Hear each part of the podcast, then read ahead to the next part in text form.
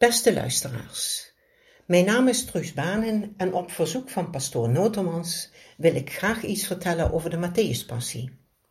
Dit betekent echter niet dat ik me schaar onder de kenners van dit prachtige muziekstuk, want ik heb naast mijn eigen kennis gebruik gemaakt van zaken die anderen al voor mij opgezocht hebben. Noem mij dus maar een liefhebber en bewonderaarster van Bach. De bekende Matthäus-passion en Johannes-passion van Johann Sebastian Bach komen niet zomaar uit de lucht vallen. Volgens de bekende wetenschapper Kurt von Fischer dreigt zelfs het gevaar dat de passies losgeweekt worden van hun oorspronkelijke geschiedenis en van hun liturgische context en setting. Men zou zelfs kunnen vergeten dat de passie als kunstvorm in een eeuwenoude muzikale en ook vroomheids- en devotionele geschiedenis staat. Misschien moeten we hier kort bij stilstaan. De muzikale vertolking van het passieverhaal kent een zeer lange geschiedenis, die zelfs teruggaat tot het reciteren van het lijdensverhaal in de negende eeuw na Christus en zelfs nog vroeger. Reeds in de eerste christelijke eeuwen behoorden de passielezingen al tot een van de vaste en centrale bestanddelen van de liturgie van de Lijdenstijd en de Goede Week, de week van het christelijke paasfeest. Daarmee is de passie als muzikale kunst en uitdrukkingsvorm vele malen ouder dan het oratorium, dat pas in de 17e eeuw opkomt en haar hoogtepunt in de 18e eeuw kent. In de loop van de eeuwen evalueert de passie, onder invloed van de opera en Luthers wens tot tekstuitbeelding, tot een rijk en complex genre. In de eerste eeuwen van de jaartelling werd de Goede Vrijdag als zodanig niet gevierd. Wel is het gebruik beschreven om op Goede Vrijdag en Stille Zaterdag, ter gedachtenis aan de dood en de rust in het graf van Jezus, streng en strikt te vasten. Dit vasten rond Jezus sterven en dood wordt ook wel bruidegomvasten genoemd. Dit rouwend vasten van de kerk raakte zo diep verankerd dat het geleidelijk op alle vrijdagen en zaterdagen en later op alle woensdagen van het jaar werd overgenomen. De oudste getuigen van een vasten op Goede Vrijdag en Paaszaterdagen dateren uit de tweede eeuw na Christus. Het ging om een volledig vasten. Men nam helemaal geen spijs of drank. Dit werd veertig uur of zelfs twee volledige dagen volgehouden. In de kerkgeschiedenis behoort de viering van Goede Vrijdag tot de oudste liturgieën. Ze wordt gekenmerkt door een grote soberheid en door de voorlezing van het complete passieverhaal. De viering in haar huidige vorm is vastgelegd in het vernieuwde Romeins Missaal uit 1970.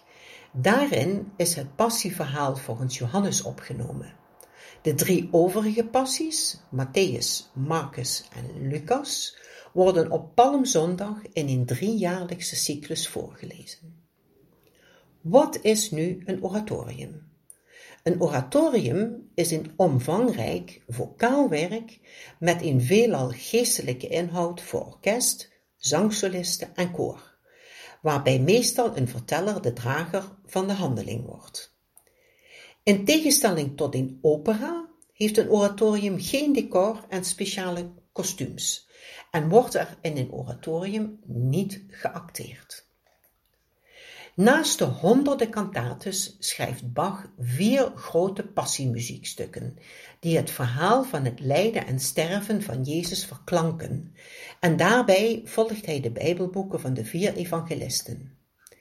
Hierin worden dezelfde elementen gebruikt als in de cantates, namelijk recitatieven, die letterlijk het evangelie volgen, afgewisseld met beschouwende aria's en koorgedeelten. De Matthäus-passion valt in deze vier passiestukken op. Het is met een lengte van minimaal 2,5 uur de langste, terwijl ook de muzikale begeleiding naar maatstaven van de barok groots is opgezet. Drie koren, die worden begeleid door twee volledige orkesten en twee orgels. Een voorbeeld. In de Thomaskerk in Leipzig staan de twee gemengde koren aan weerszijden van de kerkgangers op galerijen en het derde koor, een jongenskoor, staat op een extra koorgalerij. Op Goede Vrijdag, tijdens de middagdienst, wordt de passie uitgevoerd, halverwege onderbroken voor de preek. Het werk is waarschijnlijk in 1727 of 1729 gecomponeerd en voor het eerst uitgevoerd. Vreemd genoeg heeft die eerste uitvoering van wat nu als een der grootste composities ooit wordt beschouwd, geen enkel spoor nagelaten. Er zijn geen krantenartikelen, dagboeknotities of andere bronnen gevonden die verwijzen naar de eerste uitvoering. Er is geen enkel bewijs van bewondering overgeleverd en zelfs in de annalen van de Thomaskerk is er geen verwijzing zichtbaar.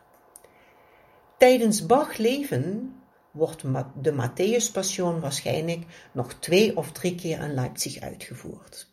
Na zijn dood in 1750 raakt het werk vergeten, net als trouwens de meeste andere werken van Bach. Beste luisteraars, dit was het voor vandaag.